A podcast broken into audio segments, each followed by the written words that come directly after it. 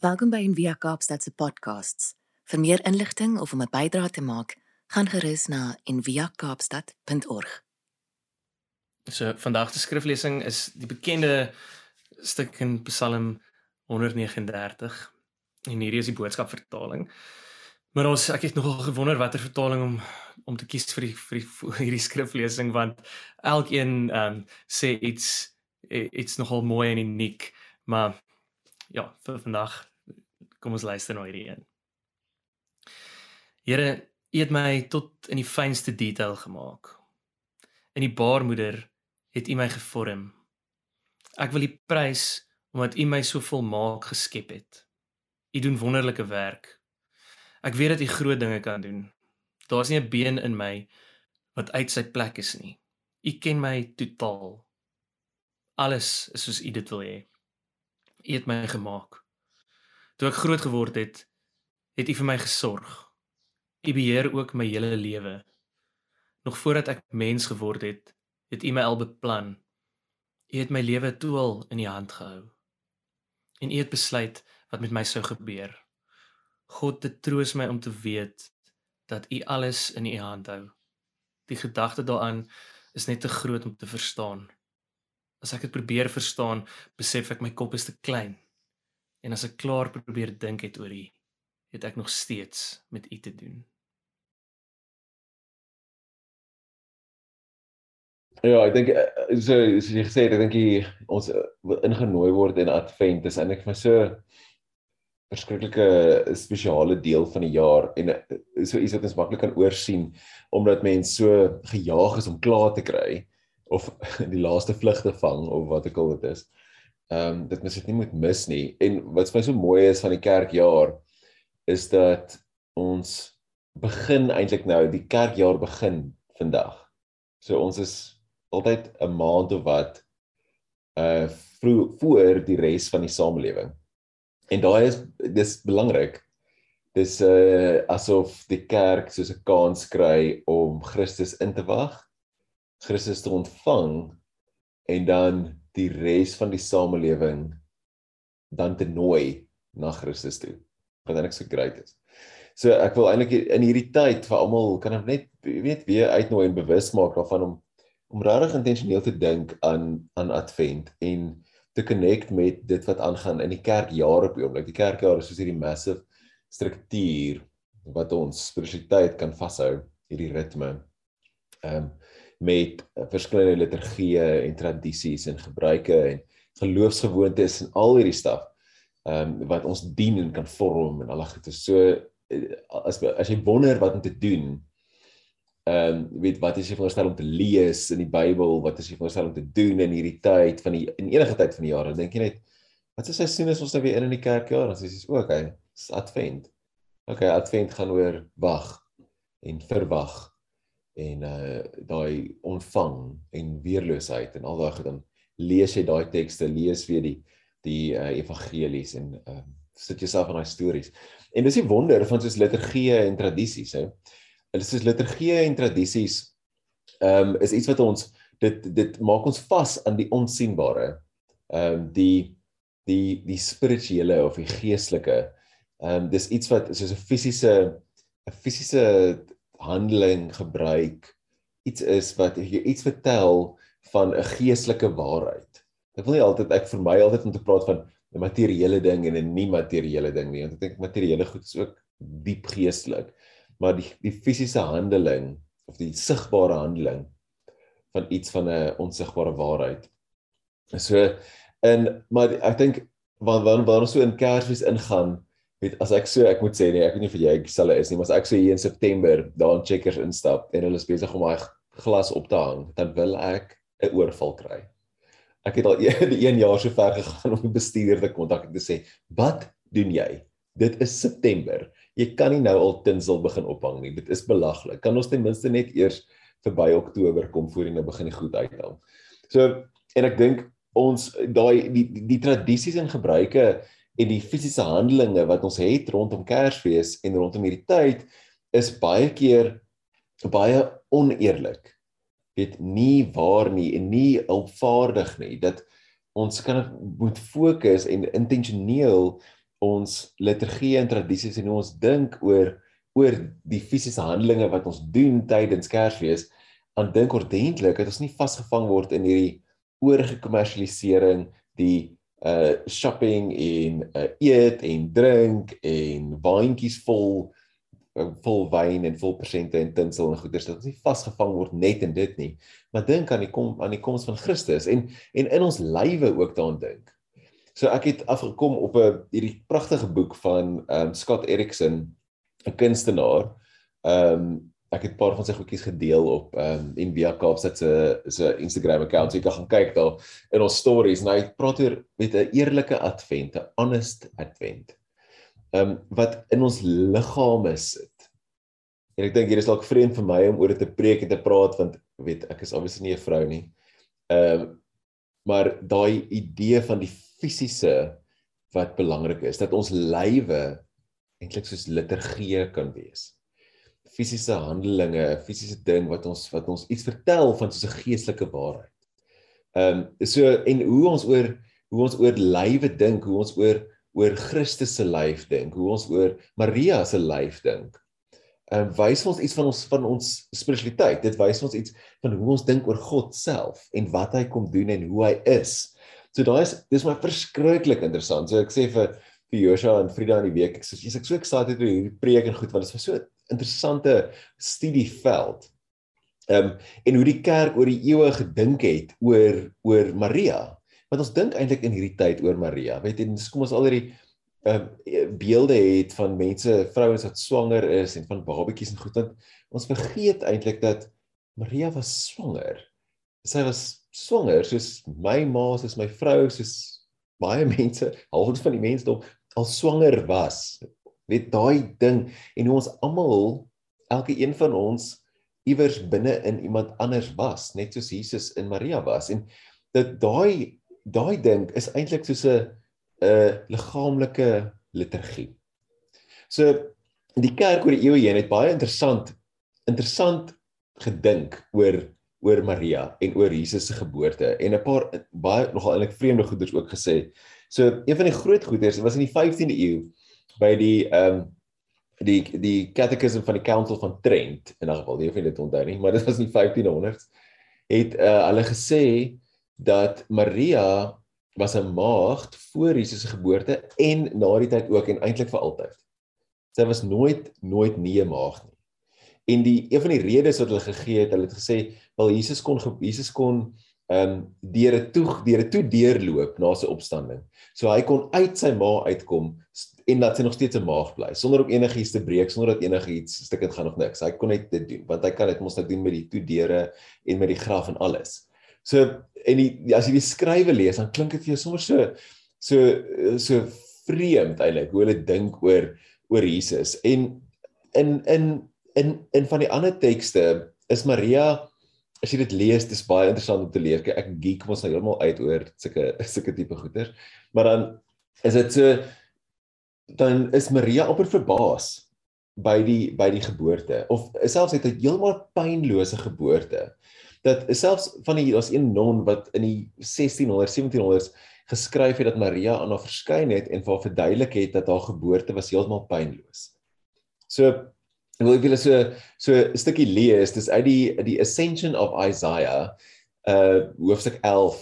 Dis 'n pseudepigrafiese boek. So dis soos jy kan die apokriewe boeke en dan kry jy pseudepigrafiese boeke. Wat toe die apokriewe boeke sal die kerk sê ons het dit nie ingesluit by die Bybel nie maar dis nog steeds goed vir jou om te lees. Weet lees dit is fyn. Die pseudepigrafiese boeke het mense gesê hey moet glad nie daaroor nie. Dit moet moet dit nie eers lees. Dis okay dit het eintlik geen nut nie en daai boeke is baie weird jy kan eintlik nie regtig agterkom wie dit geskryf waar dit vandaan kom dis seker tekste wat so ronddryf tussen al die goed maar hulle is baie en hulle wys iets van hoe kan van die mense gedink het en hoe hulle gedink het in hierdie geval soos oor Maria en Jesus se gebore se geboorte. So ek lees gou vir julle so 'n stukkie uit die uh, Ascension of Isaiah net so 'n paar versies. Dit sê and after 2 months ek kon nie Afrikaanse een kry nie, ek het gesoek. And after 2 months of days while Joseph was in his house and Mary his wife but both alone, né? Nee? So albei saam in die huis maar apart, nie by mekaar nie. Ehm um, en dis 'n groot tradisie in die kerk ook dat dat Josef het nooit aan Maria geraak eers nie, selfs nadat hulle getrou het nie. Dat die kerk gesê dat die kind ander kinders is soos Josef se kinders, is nie Maria se kinders nie. Jesus het net Maria Maria het net Jesus gehad niks anders. So sê it came to pass that when they were alone that Mary straightway looked with her eyes and saw a small babe and she was astonished. This is the babatjie het net so verskyn. Sê and after she had been astonished, her womb was found as formerly before she had conceived. And when her husband Joseph said unto her, What has astonished thee? His eyes were opened and he saw the infant and praised God because into his portion God had come. So daai deel, dit wys eintlik dis soos Maria kan dit Jesus het net so verskyn hier by haar opgedaag. En as jy in die kuns kyk van soos die 15de eeu, hier is 'n 'n voorbeeld. Ek wil net julle nou kan julle hom sien.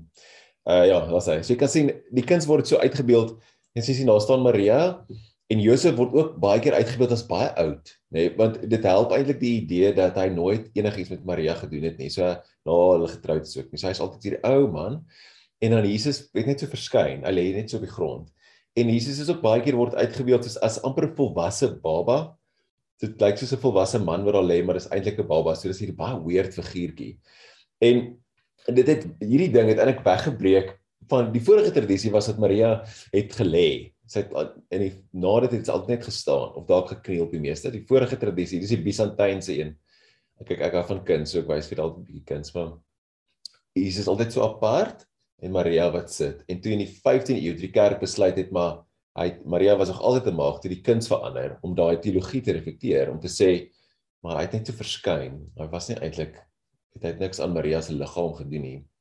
So daai is daai is vir my is baie baie interessant dat dat dat die kunstenaars so uitgebeeld dat mense soos soos um, so daaraan gedink het, die dat die baba net op die grond lê of net so verskyn het.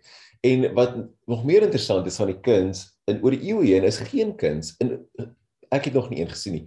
Ek in, in elk geval niks van die groot meesters nie. Ehm um, sien jy die geboorte nie?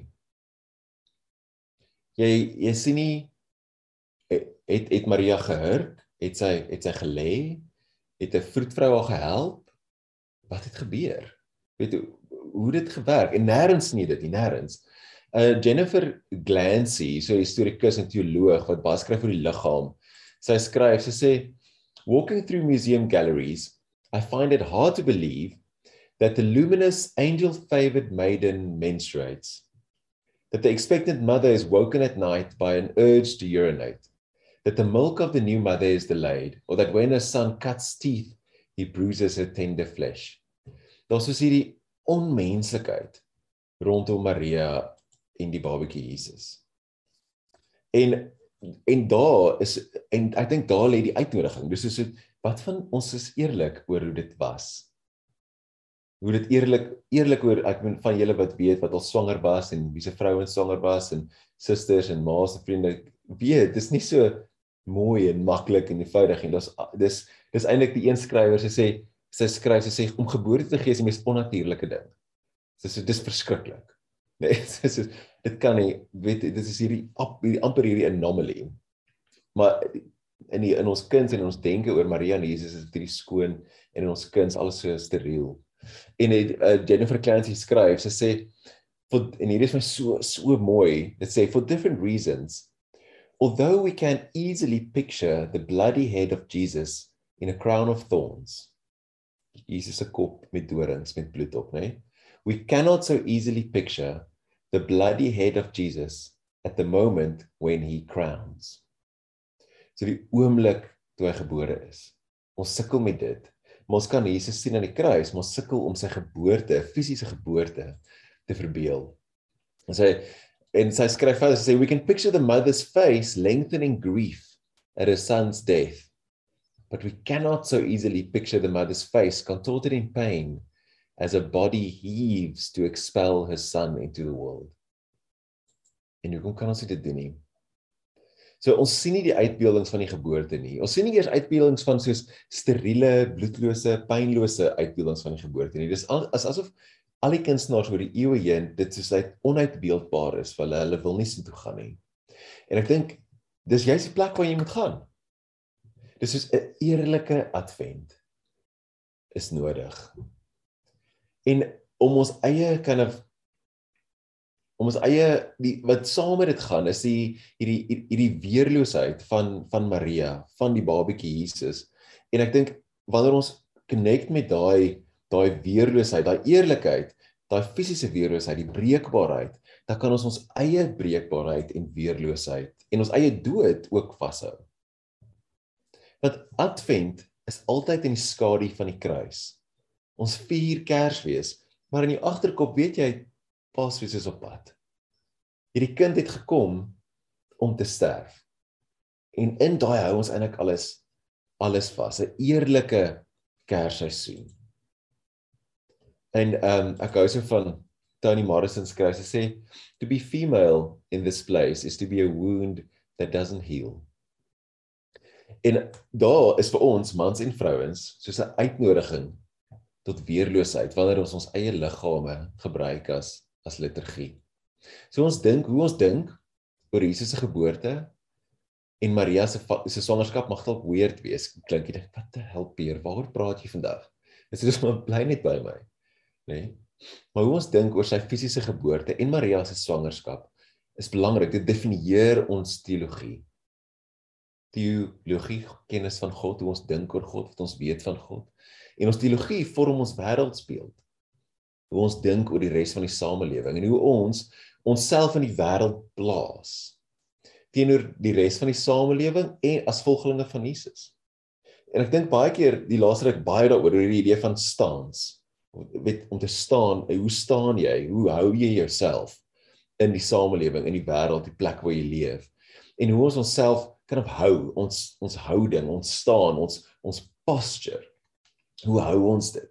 En wanneer ons dink aan soos 'n 'n bloedlose, pynlose geboorte, wat dink ons oor hoe ons moet wees teenoor die wêreld? Wanneer ons dink, wanneer ons Jesus so kan ek hy kom amper onmenslik of bonatuurlik in die wêreld in. So hy het bonatuurlik in die wêreld gekom. Jy verstaan wat ek bedoel. Daai die dat die, as ons die geboorte self sien as hierdie pynlose soos geen ander vrouens nie en Jesus soos geen ander babatjie nie. Dat dieselfde goed nie gebeur het nie. Hoe hou ons onsself dan in die wêreld? As Jesus in die wêreld ingekom het kragtig sonder enige hulp. Hy het net so verskyn sonder 'n ma wat swaar gekry het in geboorte. Sonder bloed, sonder niks. En ons het hierdie kragtige God wat net so verskyn het. Hoe passeer ons onsself dan in die wêreld as dit is wat ons dink? Maar wanneer ons onsself soos toelaat om eerlik te wees oor ons liggame, oor Maria, oor Jesus se geboorte en ons maak dit weer mens dan sluit ons eintlik soos 'n nuwe teologie oop of 'n in, in my opinie 'n beter een. Dis 'n dis 'n God met ons teologie. Of meer as dit soos 'n God in ons teologie as deel van ons. Jesus binne in Maria as 'n kwesbare, die Engels is so mooi, vulnerable babatjie. En as ons dink aan Maria, het baie gesien ons Maria as iemand soos in haar laat 20s, maar sy was nie, sy was 12, 13 jaar oud, 'n tienermeisie, eerste swangerskap.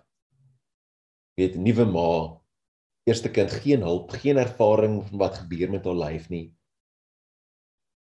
En as ons aan daai daai beeld begin vashou van hierdie hierdie absolute weerloosheid en kwesbaarheid van beide Maria en Jesus, dan begin ons iets anders sien van van hoe belangrik weerloosheid is vir ons almal.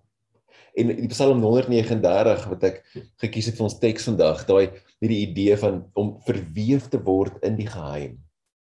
Dat die kind, weet die Engels is so mooi, knit being knit together in secret binne in die binne in die ma en die moeder skoot binne in die ma se maag.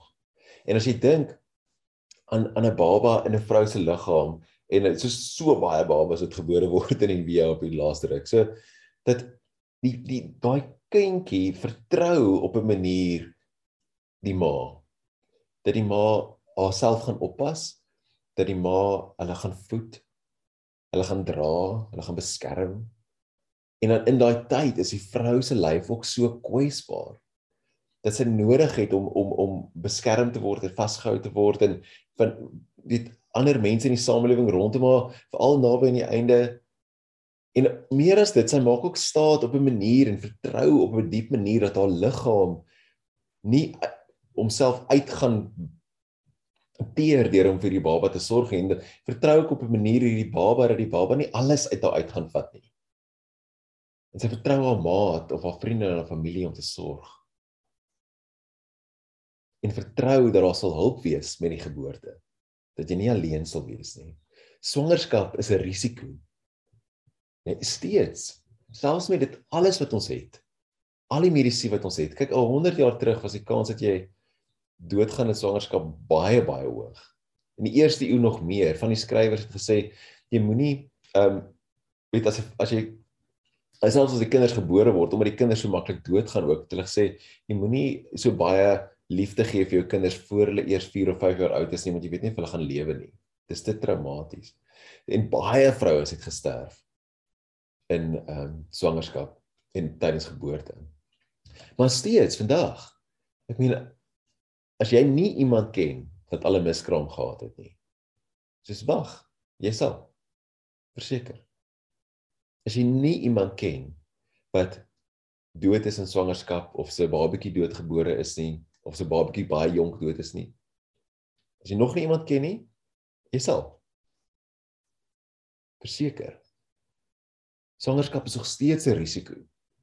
Maar die die die die ding wat dit so mooi maak is hierdie hierdie kwesbaarheid tussen hierdie twee wesens, tussen die kind en die ma. Beide is kwesbaar en neem 'n risiko om iets nuuts te maak. Om iets nuuts te skep. En daai dit is die essensie. Daai kwesbaarheid is die pad na die nuwe lewe. Daai vulnerability is die pad na liefde. Sonder dit kan dit nie bestaan nie. C.S. Lewis skryf, hy skryf eintlik na hy was vir lank alleen en toe het hy uiteindelik 'n maat gekry en sy is toe oorlede kort nadat hulle saam is. En hy skryf baie oor liefde en hoe seer dit hoe seer dit hoe gemaak, hoe seer dit is om iemand te verloor en hoe seer liefde kan maak. Maar dan skryf hy hierdie beautiful stuk, is baie bekend, sê To love at all is to be vulnerable. Love anything, and your heart will certainly be wrung and possibly be broken. If you want to make sure of keeping it intact, nee, jy wil seker wees dat jou hart nooit seer kry nie, altyd net heel bly. You must give your heart to no one. Not even an animal. So wrap it carefully around with hobbies and little luxury Ek kan bysê met tinsel en kersbome en persente en geld. Sê avoid all entanglements. Lock it up safe in a casket or a coffin of your selfishness. And put in that casket safe, dark, motionless, airless. It will change. In that casket it will change. It will not be broken. It will become unbreakable, impenetrable, irredeemable. The alternative to tragedy, or at least the risk of tragedy, is not is damnation. So the only place outside heaven where you can be perfectly safe from all the dangers and perturbations of love is hell. En as 'n plek waar jy veilig kan wees van liefde, is in die hel om jou om jou hart toe te sluit. As jy vra om liefde te wees, moet daar die kans wees dat jy gaan seer kry. Vir enige verhouding, ons almal weet dit, vir enige verhouding om eg te wees, om goed te wees, vriendskappe, liefdesverhouding, alles is daar openheid nodig. Vertroue, weerloosheid, kwesbaarheid, risiko. En hierdie is die groot geheim van die skepping. Liefde volg risiko. Liefde volg kwesbaarheid. Scott Erickson skryf in sy boek in Alles Advent, hy sê attempt an attempt to create anything in this world is a risk. All creating is an expression of vulnerability. Om iets te maak is om risiko te loop. Dat dit nie gaan werk nie, dat iemand nie daarvan gaan hou nie, dat jy nie daarvan gaan hou nie. So wat sê as ons hierdie kwesbaarheid vashou van Maria, van die babatjie Jesus, van as ons dit vashou, wat sê dit vir ons oor God? Wat sê dit vir ons oor God om hierdie groot risiko te neem om in die wêreld te kom? Om so kwesbaar te wees. 'n Tiener ma met geen ervaring se liggaam en haar tiener verloofde Josef is dalk 15 of 16 te vertrou met die grootste skat in die heelal. Wat sê dit vir ons van God? Dat hy gewillig is om vasgemaak te word aan sy eie skepping. Vasgemaak te word aan 'n plasenta om te kan oorleef. Om te wag en te groei in 'n jong ma se baarmoeder. Dat God self dit waag om aan mekaar gewewe te word. In die ou vertaling sê dit sy niere word gevorm jou niere is so hoe diep kan 'n menslikheid. Hy sê vreeslik wonderbaar. Fearfully and wonderfully made. 'n God wat dit vertrou. Hy sê ons weet, ons weet, ek en jy ons almal weet dit. Ons weet dis waar lewe lê om kwesbaar te wees. Dis waar verhoudings groei. Dis waar liefde kan groei. En dit is hoe God dan en hoekom hy dit so kies om in die wêreld in te kom. Kwesbaar tot en met sy dood aan die kruis. Magtige God. Daai idee van magtig. Dis wat beteken dit as ons sê magtige God? Hierdie magtige God wat 'n klein babatjie is. 'n Fetus vasgemaak in 'n plasenta in 'n baarmoeder. Soos 'n magtige God wat 'n klein kwesbare babatjie is, toe vertrou aan twee jong mense. Maria wat die magtige God met borsvoed. Maria en dalk Josef ook wat die magtige God se boude moes afweer.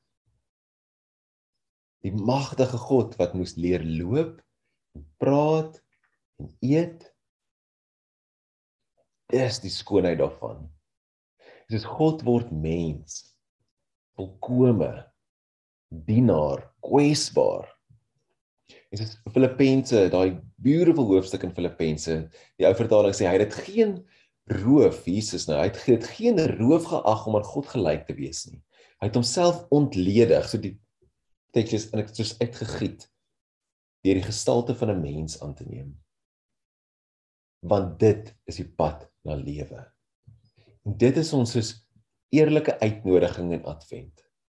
Kwesbaar te wees om in jou eie lyf se kwesbaarheid dit te voel.